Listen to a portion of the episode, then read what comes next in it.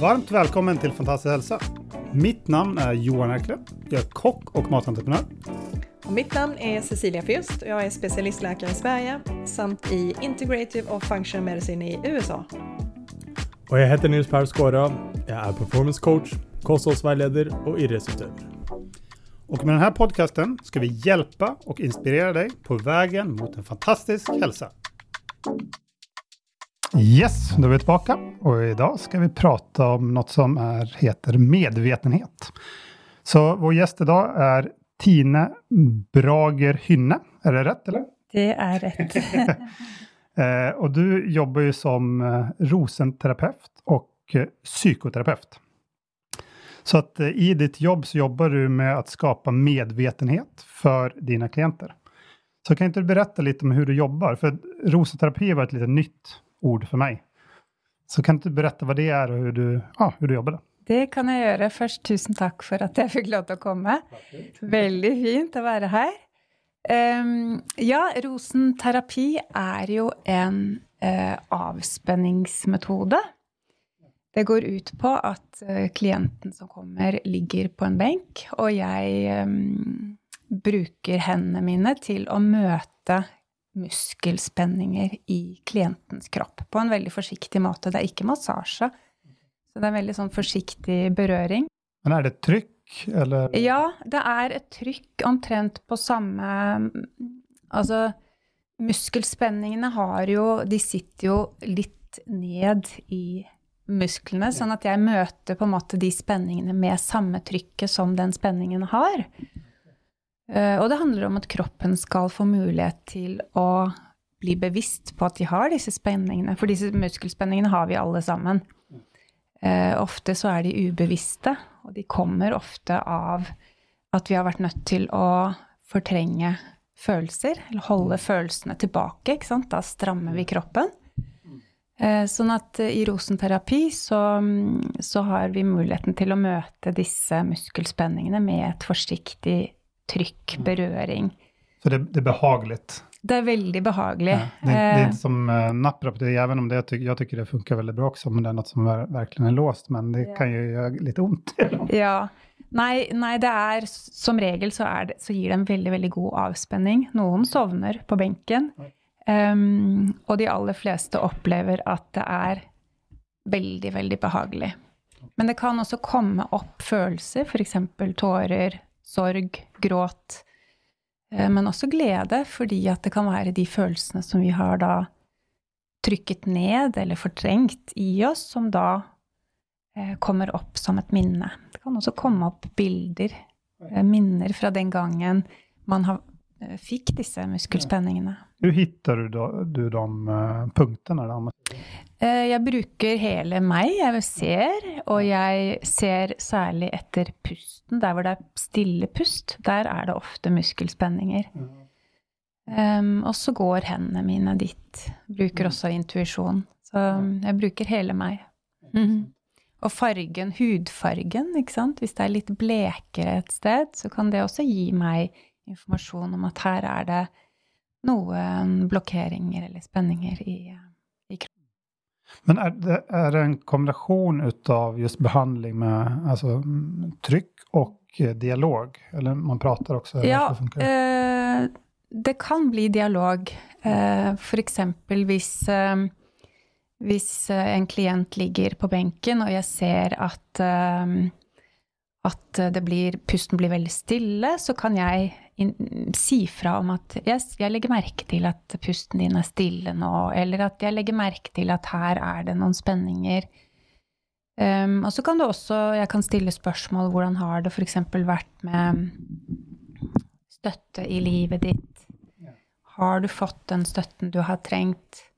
Jeg, jeg stiller mest spørsmål til kroppen, og så er det Så det er ikke hodet som skal svare, men det er mer kroppen. Så personen svarer aldri muntlig? Den kan svare muntlig, men det er spørsmålet stilles til, eh, mer til kroppen, og ikke til hodet. Vi er så vant til å bruke hodet, ikke sant? Og eh, rasjonalisere og, og mm, Ja.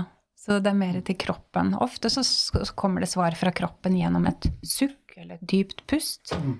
Da forstår jeg at dette, nå er vi på sporet. Ja, Hvor lang er en sånn behandling då? En behandling er ca. 50 minutter. Så jeg behandler først eh, baksiden, ryggen og bena, og så snur klienten seg, og så behandler vi fremsiden etterpå, som regel. Ja, Så, så det er alltid hele kroppen eller? Nei, ja, jeg går ikke gjennom hele kroppen, for det har jeg ikke tid til. Så det er ofte ett fokus, ett eller flere fokusområder som, som på en måte trer frem når, eh, når vi møtes, da. Mm, intressant. Men du, sa også psykoterapi. Det, det er en annen mm. greie, da? Ja, eh, jeg jobber også som psykoterapeut. Um, eh, men ofte så er det jo en kombinasjon av disse som klientene som kommer til meg, får. Både rosenterapi og psykoterapi. hvor vi I psykoterapi kan man gå enda mer ned i, i dybden på ja, tanker, følelser, kro- kroppslige sansninger for hele tiden å hjelpe den personen til å bli mer bevisst, da. Ja, för vad är, hur funkar psykoterapi? Om du forklarer det også litt. Ja. det finnes jo ulike retninger for psykoterapi. Og den retningen som jeg har studert, heter psykosyntese. Og det er en helhetlig retning som tar med hele, hele personen. Altså også det at vi har en sjel. Vi har en kropp, og vi har en sjel, og vi har, vi har um, et senter av bevissthet og vilje. Så, så alt som jeg gjør, handler jo om at, å, å hjelpe den personen til å bli mer i kontakt med seg selv eh, som den han eller hun er. Fordi ofte så i oppvekst og, og i livet vårt så, så legger vi jo ofte um, Altså vi eh, må tilpasse oss de rundt oss. Samfunnet, foreldre, familie, skole, venner. Vi tilpasser oss ofte de rundt oss. um, og skaper ulike mønstre som, som kan hindre oss fra å bli um, helt den vi er, da. Eh, Så som voksne personer så, så har vi, alle har det, eh, ulike de, mer eller mindre destruktive mønstre som kan hindre oss i å virkelig være den vi er. Så, så jeg ser det som en av mine oppgaver å hjelpe den andre personen med å se disse mønstrene selv da, og bli mer bevisst på ulike tankemønstre som kan være ødeleggende, skadelige. Um, også bli kjent med sine egne følelser. Hva er det jeg kjenner? Og også hva, hva den enkelte kjenner i kroppen sin. For mange kjenner jo ikke beina sine, f.eks. Når de kommer til meg, så, og jeg spør har du kontakt med føttene dine. Eh, føttene mine? Nei eh, det, Hva da, liksom? Hva er det jeg skal kjenne? Og så begynner, kan vi begynne å trene på å legge merke til Ja, men er føttene dine varme? Er de kalde? Er det noe prikking i dem? Hvordan kjennes det egentlig ut? Så det handler hele tiden om å prøve å være mer til stede her og nå. For det er jo det, er jo det eneste vi har. Ja, precis. Så, men eh, mange av oss lever jo veldig mye i fortiden. Og mange lever veldig mye i fremtiden. Eh, og det kan også hindre oss litt fra å leve akkurat her og nå. Mm. Altså medvetenhet og mindfulness er vel litt hand i hand, eller kanskje samme sak. Ja, jeg tror det. At det med å Medvetenhet, som, het, som vi kaller bevissthet på norsk, at, eh, at det mm, handler om mindfulness, å være oppmerksom på, ikke sant. Når du er ute, hva kjenner du under føttene dine? Hva kjenner du i ansiktet ditt? Hva Når du spiser mat, ikke sant. Hvordan smaker det i Ja. Ja, det, er, ja, det, det är intressant. Vi hadde nyss en, eh, eller for noen uker siden en episode om lycka. Och för att upp, eh, uppleva lycka så måste man ju, eh, måste, måste, men en del av det är ju att vara liksom medveten och, och känna på det här. För du kan ju känna lycka i det, de små grejerna. Känna vinden i ansiktet eller som du sa, då, känna maten, texturen på det. Små saker kan bli ganska fascinerande om man lägger märke till det. Men om du da bare sykler til jobb og er irriterad eller slenger i deg maten fra TV-en, så, så kjenner man kanskje ikke så mye der. Ja, og det, det tror jeg at vi trenger å øve på. Fordi ehm, vi trenger å komme inn i kroppen og ned til her og nå, for virkelig å øve på det der. Ja, enig. Men eh, så psykoterapi, er det litt som å gå som en, eh, til en psykolog? Ja, det er, jo, det er jo det. Det er en fireårs profesjonsutdanning, så, sånn at det er jo eh, mye psykologi eh, i studiet vårt, og mye egen, egenterapi, egenbehandling. Eh, så det er det, men det jo ikke, handler jo ikke om å diagnostisere eller å gi medisiner eller noe sånt. Mm. Men, men der er det i alle fall en dialog fram og tilbake. Du stiller spørsmål og, og finner ut av saker med klienten. Ja, det er en dialog og en utforskning og en Men vi, jeg bruker jo alle mulige måter for å komme frem. Altså, kan, jeg kan bruke øh, Vi kan bruke f.eks. tegning. Vi kan bruke bevegelse. Vi kan bruke skriving. Altså alle mulige måter å utforske på, da, sammen. Sammen med den personen og det som passer til den enkelte. Ja. Veldig interessant. Ja, det, eh, jeg syntes det var litt interessant når, vi, når jeg skal gjøre den samtalen, for jeg har en av mine nærmeste venner. Han eh, er nå naprapat, men eh, for mange år siden så ble han eh, utbrent og fikk sånn eh, sånn superstressyndrom og, med liksom andningen alt og ingenting funka. Han, han, var bare liksom innstengt og mm. stengte for gardinene og kunne, liksom, kunne knapt gå opp. Det. Men det som hjelpte han, mm. og anledningen til at han ble naprapat, var jo det at han gikk på noe som heter haviansk massasje, tror jeg. Yeah. Og det var en, eh, just det, berøring og dialog. Yeah. Og det tykte han var så sykt bra. For det, det var det, han testet alt, men det var det som hjalp han. Mm. Och då när jag hörde, för jag, jag googlade lite såklart, jag hörde runt lite vad det var och då förstod jag att det var lite, något sånt att du jobbade just med beröring och ja. dialog. Och även om det kallas som kanske alternativt, mm. jag vet inte vad, vad det klassificeras som, men så känns det också väldigt logiskt att det funkar. För beröring finns det också väldigt mycket forskning på vad beröring var specifikt då när du ser låsninger og sånne saker. Ja, ja. og jeg, jeg, tror jeg er helt enig i det at Fordi vi henger jo sammen, ikke sant. Vi kan jo ikke dele oss opp. Men det var også grunnlaget til rosenterapien. Det var eh, Marion Rosen som utviklet metoden. Hun, hun var fysioterapeut. Okay. Men hun oppdaget at eh, klientene kom igjen og igjen. De ble ikke friske. Eh, og så jobbet hun med psykoterapeuter og psykoanalytikere og fant ut at når man brukte berøring i kombinasjon med dialog, samtale, da skjedde det veldig mye. Mye forløsninger som skjedde da. Ja. Så mm, jeg tror det. Ja, jeg, jeg tycker det låter også veldig logisk, for det har de til og med bare forsket på. Om du setter en hand på en person, og hva, det fri, hva som frigjøres i kroppen bare av den enkle saken. Ja en kram eller hva som helst. Det, som, det er vel kanskje litt spesielt nå i disse tider med covid, for du får ikke skake hand du får ikke krame. Nei, det gjør ikke det. Og det er jo et av hormonene som utløses ved berøring, er oksytocin, som, eh, som også kalles kjærlighetshormonet. Eller det, det, er det samme hormonet som utløses når en mor ammer sitt barn. Veldig sånn beroligende. Eh, og det ser jeg eh, hver dag når jeg får klienter, så er det Det gir en ro. Eh, denne berøringen. Og for mennesker med f.eks.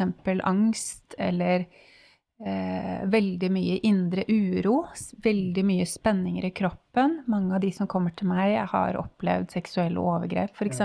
og har, har, mye uro og stress i, i kroppen. Eh, da kan det med berøring være være bra. Samtidig som man selvfølgelig må være også forsiktig med dette med berøring, fordi det kan jo også være traumeutløsende. Ikke sant? Så det er en veldig, veldig respektfull og forsiktig berøringsmetode. Mm.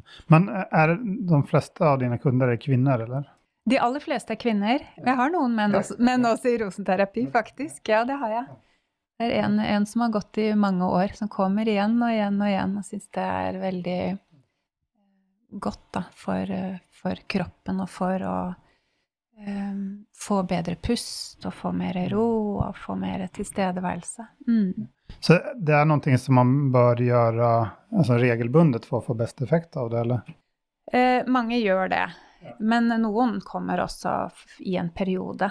Um, så det, men det må den, den enkelte må velge, finne ut av det selv. Men, men i, til å begynne med så er det lurt å komme over en periode på noen uker i hvert fall, for å se om det, om det er noe som passer for den. Ja. Hvor ofte kommer man da? Da kan man komme en gang i uken eller annenhver uke. Eh, Men det er også litt eh, ulikt. Det er ikke noe regel på det, fordi det skjer også mye imellom behandlingene. Prosesser eh, settes i gang, sånn at noen trenger også litt mer tid imellom. Ja, det, det er interessant. Jeg holder på, det jeg har sagt flere ganger i denne här podcasten, men jeg har gjort en sånn full analys med doktor Cecilie, som er med her i podden. Och eh, där såg hon ju ganska mycket genetiska markörer på, på stress och oro och sånt eh, på mig då. Och det visste jag, för jag har alltid varit väldigt kreativ, men lite sån här, eh, lite orolig, lite tanken lite här och där. Så hon sa ju liksom att eh, just någonting som roar ner mig, hon sa ju liksom meditation, yoga, infraröd bastu eller sån eh, rödlight-terapi eller massage, alltså beröring, är väldigt fint för, med, ta- med tanke på just min gentyp. Så det var så intressant att veta att okej, för dig kan det här faktiskt vara väldigt bra. Eh, och det, det är säkert olika då från genetik till genetik också, Ja, på hur man är. det tror jeg også. Jeg kjenner meg også veldig godt igjen i det. Jeg er også en veldig urolig type og har eh, og mye stress i meg og har vært utbrent og har vært, liksom, kjørt meg selv for hardt Ja. uh, over lang tid. Og det der med å Når jeg opplevde rosenterapi, så var det et sted jeg virkelig kunne slappe av i hele kroppen. Jeg kunne hvile, og jeg kunne lande, og jeg kunne bare synke inn i en sånn dyp, god avspenning. Samme typen som man ofte får i meditasjon, f.eks. Mm. Det er interessant. For du anvender litt eh, yoga og meditasjon. Du nevnte det innan vi slo på Ja, spille ja. här. Det Er det også en del av Ja, altså jeg jobber ehm, med den tanken på at jeg ønsker å tilby, fordi jeg har flere utdanninger. Jeg er yogalærer og har også jobbet mye med meditasjon, både selv og med eh, klienter. Sånn at jeg, jeg eh, lager eh, pakker nesten til den enkelte ut fra behov. For jeg tenker det er ikke én ting som passer for alle, men, men når jeg har disse verktøyene og disse metodene, så tenker jeg at jeg må sette sammen det som passer for den enkelte. Ja, det er veldig bra. Vi prater jo veldig mye om individanpassning i den här podcasten. För att alla är ju olika, både genetiskt och massa andra saker också. Mm. Bakteriemässigt med tarmflora och alltihop och vad vi upplevt genom livet. Så, så eh, det verkar ju väldigt smart att du, att du kör en individanpassad behandling. Ja, jeg, det er viktig for meg å, å se den enkelte og se hva dens behov er, og, og også ønsker, ikke sant? Ja. Hva den ønsker selv. Ja. Men du, du nämnde att du jobbade med en del eh, kvinnor som var utsatta för eh, sexuella övergrepp. Ja. Det, de är väl väldigt känsliga för, när de kommer till dig, for för de har ju varit med om något väldigt traumatiskt. Då. Ja, mange er jo det. Veldig, veldig kjenslige. Og bare det å ta steget til å be om sant, det er veldig, veldig vanskelig for mange. Ja. For mange som har vært utsatt for overgrep, så er det jo vanskelig å si både for seg selv og for andre at dette er noe jeg har opplevd, kanskje som barn, ikke sant? Sånn at um, uh, mange av de er kjenslige og veldig sensitive i, i kroppen generelt, sånn at uh, der må vi gå forsiktig frem og snakke sammen. Hva er det som kan fungere for deg, og hvordan kan vi jobbe sammen? Hva, hva er de beste måtene vi kan uh, jobbe sammen på? Ja. Men for du, du sa att eh, innan vi slog igång här mm. podcasten att, att du gillar att jobba med dem. Är det för att du ser att du, att du kan hjälpa dem mycket? Eller har, har, har haft många kvinner med det Ja, jeg, jeg har eh, Altså, den største grunnen er at jeg selv har opplevd den som barn. eh, og også det at jeg ser at jeg kan hjelpe mennesker som har opplevd seksuelle overg- overgrep, til å også få tilbake håpet og troen på at, eh, at jeg kan få en bedre helse. Fordi mange av disse kvinnene er utbrente, de kjenner at kroppen eh, si, begynner å si stopp. eh, Med muskelspenninger, med vondt i hodet, dårlig konsentrasjon. Eh, og de strekker seg i alle retninger for å hjelpe alle andre, men ser, kjenner kanskje ikke like godt hva de selv trenger. Um, så det ser jeg på som en veldig sånn viktig livsoppgave som jeg har, faktisk. Og som, som, som, har kommet veldig tydelig for meg i det siste. Også fordi at uh, gjennom min egen reise så har jeg jo også funnet mange måter som har hjulpet meg, og som jeg igjen kan bruke til å hjelpe andre, andre kvinner. Da. Mm. Det er veldig fint, veldig bra det, syns jeg.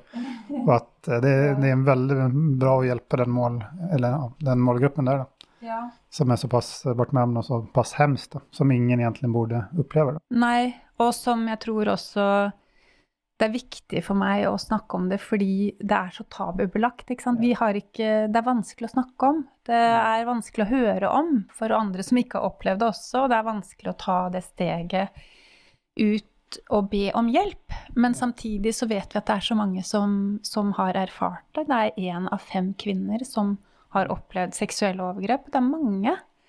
Så, så det er mitt ønske Eh, og håp om at å kunne bidra da, til å, å, gi et større håp om at det er mulig å få det bedre.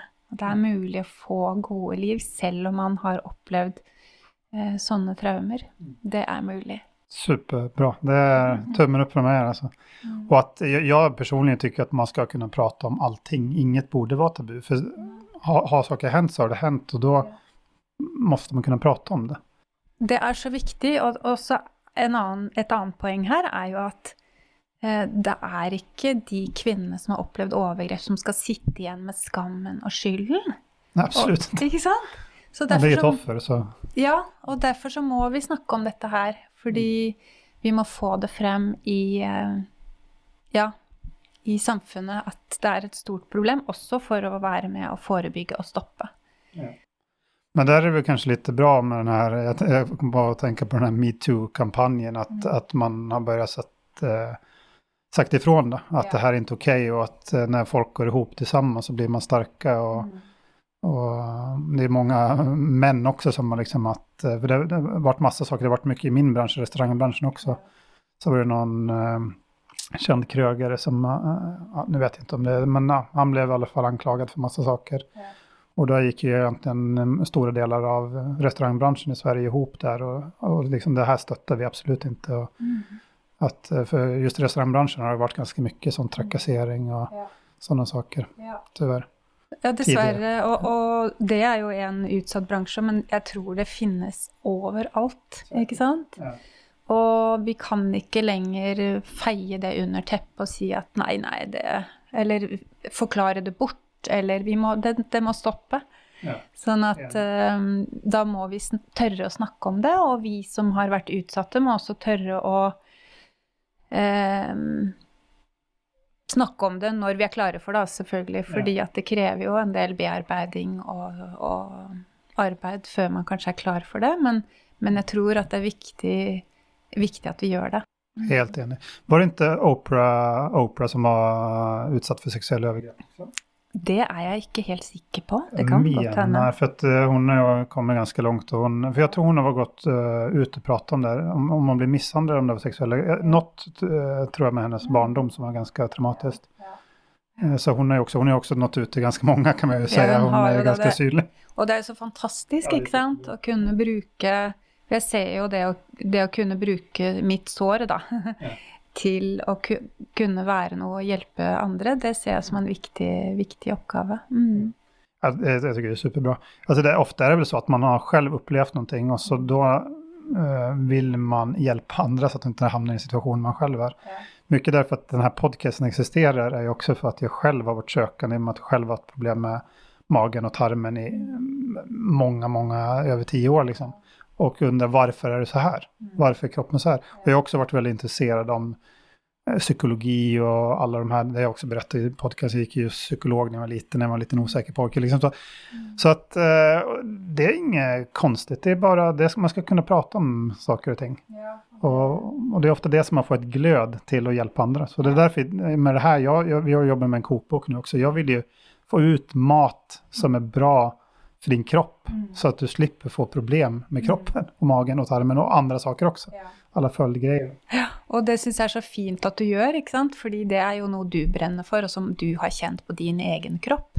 Eh, og da tror jeg man kan også være mer troverdig, da, og hjelpe flere. Ja, precis. Då är det förhoppningsvis at att det kommer från ett bra ställe då. Att man gör det inte bara för att man ska tjäna en massa pengar eller någonting, man gör det för att man faktiskt vill hjälpa. Då. Och det är ganska stor skillnad. Det, det, det märks ofta tycker jag efter ett tag om man gör det med hjärta på rätt plats, som jag brukar säga. Eller noe något annat som styr. Det, det kjenner man fort. Ja, men väldigt intressant. Eh, jo, en annan sak som jag vet att du jobbar lite med, som du också har i din behandling, är väl sådana eh, eteriska oljor. Eh, det tycker jag är väldigt, väldigt intressant, för att eh, jag har ju någon sån, eh, jag berättade när vi pratade om biohacking i, eh, här förra veckan, så eh, sa han dels gästen att han använde någon olja som han hade bakom örat när han skulle sova. Och jag har en sån, eh, vad heter det, diffuser, eller vad heter det? Ja, hemma i sovrummet när jag har någon eh, sån eterisk olja som puffar upp då när jag ska sova som ska vara lite rogivande. Så jag, jag tycker det är väldigt intressant och dofter är ju härligt. Eh, som, som kock så är liksom, eh, doften en så stor del av matlagning. Man äter ju med, med, med näsan också, näsan och munnen är ju kopplade ihop. Men, men berätta lite om eterisk olja, för det vill jag lära mig mer om. Ja, det er eh, Det er eh, Jeg jobber en del med det, og jeg ser hvor stor effekt de har. Både på meg og på de jeg bruker det med, som har lyst til å prøve. Um, og det er jo det du sier, ikke sant. Dufter det gjør noen ting med oss. Man, man kan jo tenke seg, ja, ikke sant, når du har nesen oppi en gryte med mat, eller om du har nesa i en blomst, eller eh, når, hvis man går i skogen og lukter eh, furu, furutrærne, så, så påvirker lukt, luktesansen påvirker oss veldig. Eh, og jeg kan jo bare fortelle litt hvordan jeg begynte med oljer, for jeg har, jeg har nå brukt oljene hver eneste dag i over tre år. Og og mitt første møte med oljene var på et, eh, en yogatime, hvor yogalæreren min, eh, Atika, hun hadde, hadde med noen oljer. Og jeg fikk en dråpe eh, olje mm, av en som heter frankincense. um, I hendene mine, og så sa hun bare 'lukt, lukt på den'. Inn, pust den oljen inn. Um, og når jeg gjorde det, så var det akkurat som em, det var akkurat som et indre sår jeg hadde, ble helet. Og det høres kanskje rart ut, men tårene rant, og jeg ante ikke hva det var for noe, men det bare åpnet opp og reparerte et eller annet inni meg som jeg ikke kan forklare. Men det møtet ble så sterkt for meg at da tenkte jeg at det må være noe med disse, disse dråpene. Eh, og da begynte jeg å mm, kjøpe noen oljer og begynte å sette meg litt eh, inn i hvordan man kunne bruke de, og, og hvilken effekt de har på, på kroppen. Og de har jo, de har jo effekt på, på vår fysiske kropp, og, men også på følelsene og det mentale og eh, ja. Men er du, er du utbildad? Det det en utbildning du har gått i? Eh, Jeg har gått mange ulike kurs, eh, blant annet hos en veldig flink aromaterapeut som heter Gry Fostvedt her i, eh, her i Oslo. Eh, Og så har jeg tatt også et eh, kurs i eh, eteriske oljer i, i USA. Mm. Ok, spennende. Ja. Men eh, så, så att de har ju såklart olika effekter. Det, det, just med, med doft som är intressant, doft är väl det som vi upplever direkt till reptilhjärnan. Ja. För man brukar säga det att, eh, för mycket av det vi upplever går ju via ögonen, att vi ser på någonting och så måste vi liksom egentligen, hjärnan måste tänka vad är det där för något, är det är ett äpple. Och har du aldrig sett ett äpple vet du inte vad det är för någonting. Men, men just det med doft så, eh, den reptilhjärnan har ju inget filter. Så att det är därför man kan känna, om du känner till exempel en parfym så kan du känna doften av en, din käraste eller ex-käraste parfym bara på hundradels sekund. Eller doften av nybakta kanelbollar eller den, grytan som står och kokar eller som väcker minnen bara direkt. Så, så att, eh, eh, det har vi också pratat lite här om tidigare. De jobbar till exempel, ja men som vissa hotell då, som har egna luft, liksom luktprofiler. luktprofiler. Så att när du kanske går in i entrén så sprayar de den doften och sen är det samma doft i, i handsåpan och schampot och så kanske en diffuser på hotellrummet.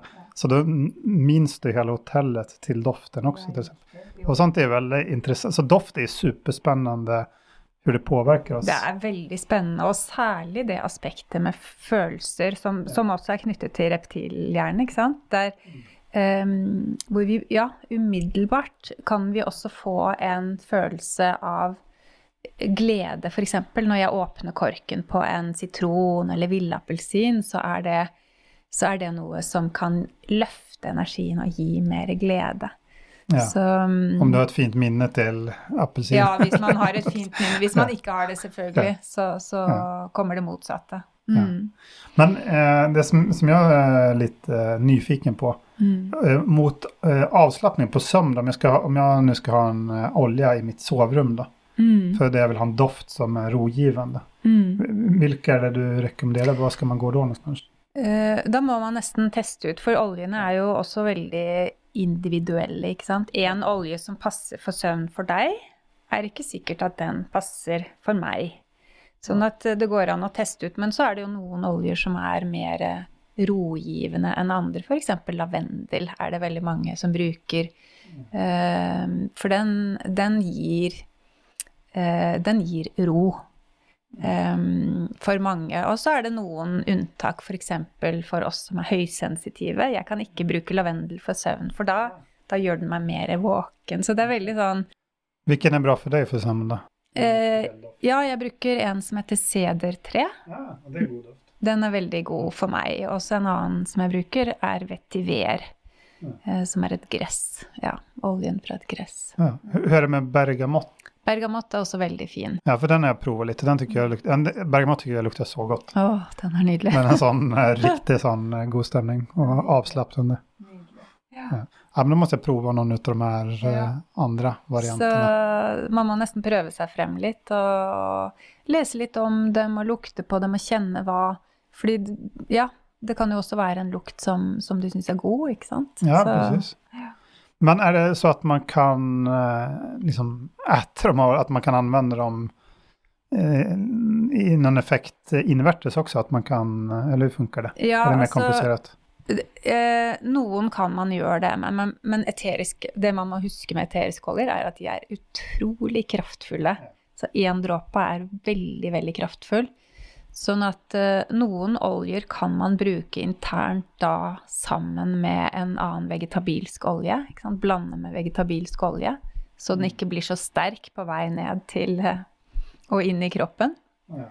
Mens andre oljer skal man jo aldri, aldri bruke internt. Sånn at man må vite og lese om det og ja, google og lese seg opp. Man må vite. En annen ting som er veldig viktig med eteriske oljer, er kvaliteten på dem. Fordi det fins veldig mye forskjellig der ute. Ja, det, det er- har jeg sett. Ja, veldig, veldig viktig at du vet kvaliteten på oljen du skal bruke, og særlig da hvis du skal bruke den på kroppen eller internt, ikke sant? Fordi da hvis du bare går i en eller annen butikk og kjøper en olje uten å få en forklaring på hva det er, eller vet hvor den kommer fra, så kan den inneholde skadelige stoffer, faktisk. Det er det også veldig mye av der ute. Så man må vite. ja. Jeg fikk et tips uh, forut av en, det var ikke Cecilie, men en annen uh, sånn spesiallege i Amsterdam som er veldig kjent der. Uh, hun sa at eh, eh, att om man skulle ta till exempel sån organ och olja som är väldigt kraftigt så kan man ta det i en sån tom kapsel som man sätter ihop så att det, den inte fräter eh, liksom i, på väg ner i, i kroppen. Ja, men, men da må den kapselen også inneholde en vegetabilsk olje. Okej, så den måste späs. For ellers ok. så lager oljen hull på kapselen på vei okay. ned. Så du må Ja, al det var bra. alltid blande den med, med en vegetabilsk olje. Ah, intressant. Okej. Ja, det, ja, det kanske var så hon sa också, men, ja, men det var intressant. För nu, nu tar jag, i och med att jag håller på eh, ska försöka hj- hjälpa nu tarmen och hela systemet, där, så tar jag ett eh, tillskott med sån organ och olja i tillskottsform. Då. Så den är säkert tilpasset. tillpassad så att den ska vara... Det er den helt sikkert Bra. da. Mm. Ja, men intressant.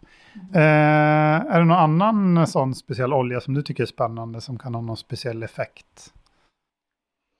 Å, det er jo så mange oljer å velge mellom. Men jeg bruker jo mye peppermynte, f.eks. For eksempel, fordi den, den åpner opp og um, Hvis jeg er litt sliten en dag etter jobb f.eks. og åpner bare korken på peppermynte, så er jeg pigg og klar. For det, den gir en veldig sånn Ja, åpner opp og gir en klarhet og Mm. Ja, den, jeg satt faktisk og tenkte på den. mm. Jeg fikk en sånn liten sample av en sånn jeg var på noe som heter Morning Beat. Sånn en morgenalkoholfri rave. Yeah. Men man drikker liksom kaffe og spiser grøt og danser litt, liksom. Yeah. Uh, og da fikk jeg av en kille som hadde en sånn. Og da hadde jeg vel det litt uh, Han sa det at ta det i hendene og bare liksom andas inn det, så satte jeg det kanskje litt bakom øret, eller hva jeg gjorde. Ja. noe. Men så hadde det, var så uh, veldig oppiggende. Ja, det en veldig oppiggende. Veldig fresh doft. Veldig deilig luft. Ja. En annen eh, olje som jeg har brukt veldig mye, fordi jeg har slitt veldig mye med sånn hjernetåke og dårlig konsentrasjon, er rosmarin. For den er også veldig stimulerende. Så den uh, bruker jeg i sjampoen min, f.eks. En dråpe for å stimulere hjernen. Det hjelper veldig. Ja, den lukter jo også Rosmarin er jo veldig godt. Og det er jo veldig nyttig også. Ja, det er jo det. om man anvender det i mat. Ja. Men, eh, och det, det kanske också ska sägas att eh, många kanske tänker att ja, men eteriska oljor det är också lite så här väldigt alternativt. Men eh, det, har ju, det är väldigt mycket forskning på det här och de gör ju mer och mer forskning. Man, eh, jag hörde bland annat att de använder de har testat mot några barn som har ADHD och sånt. Att de, jag vet inte om de smörjer vid tinningen eller var de smörjer någonstans. Och så har de nu forskat ganska mycket på det. Men du, du sa också att det fanns ganska mycket studier om man söker på PubMed. Ja, veldig mye. Jeg uh, tror det er over 17 000 studier på eteriske oljer uh, som ligger på PubMed. Så, så det begynner å komme mer og mer, og vi må heller ikke glemme at uh, de er jo brukt i hundrevis av år.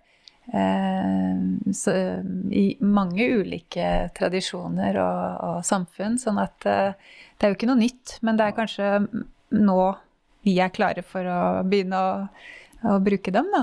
Eh, så jeg, syns det er også det aspektet med at som er viktig for meg, at vi må bruke mindre kunstige og kjemiske tilsetningsstoffer og eh, miljøskadelige stoffer, og, og tenke mer på hva vi putter inn i kroppene våre, så er jo det med eterisk olje veldig, veldig fint. Jeg har jo selv brukt det masse til eh, Så jeg har ikke brukt en hodepinetablett, f.eks., på de siste tre årene.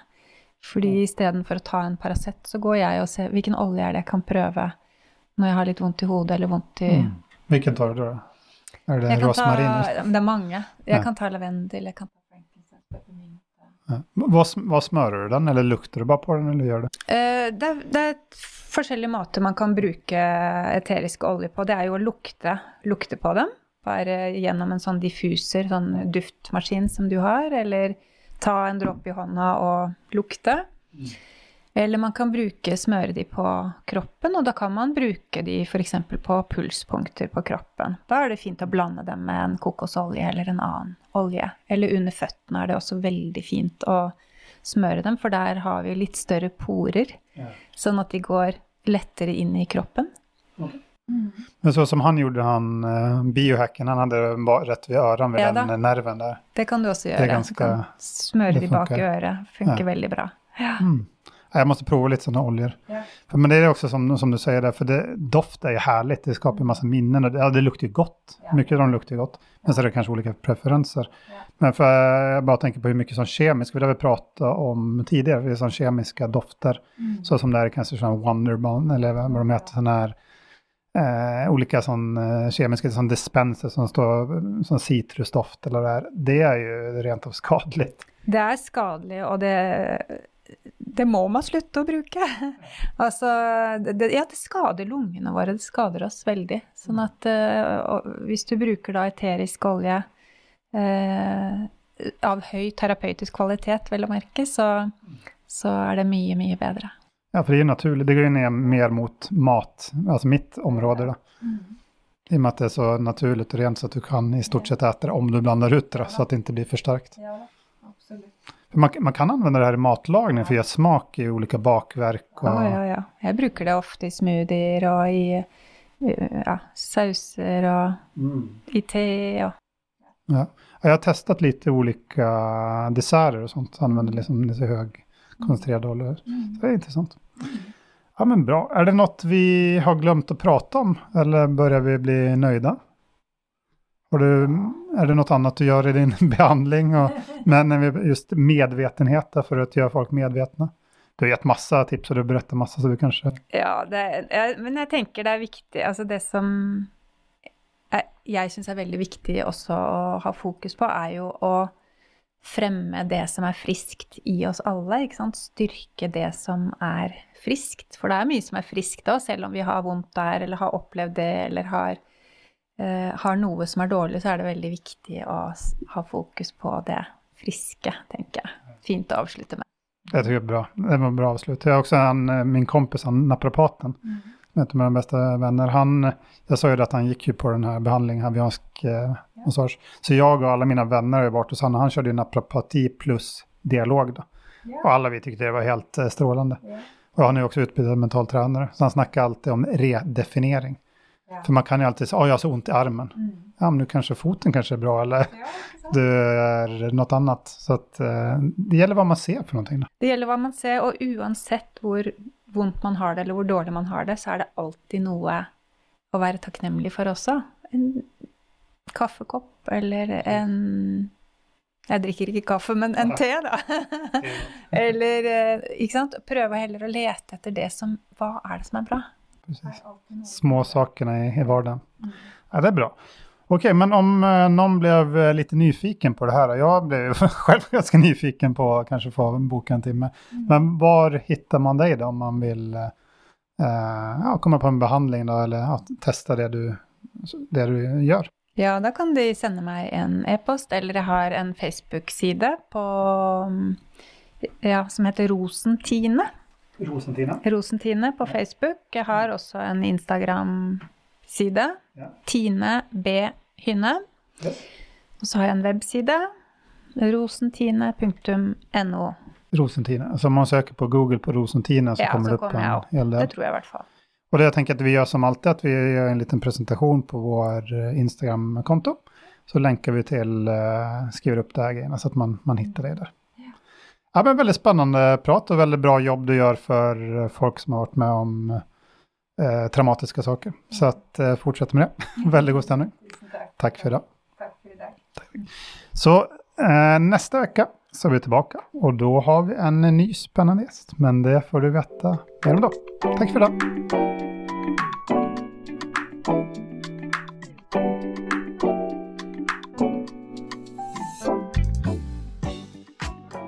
Tack för att du satte av tid att lyssna på vad vi hade att säga. Jag vill också tacka vår nya samarbetspartner nummer 5-huset på Vinden i Oslo. Här spelar vi in vår podcast och här kommer också ha mycket spännande event i framtiden.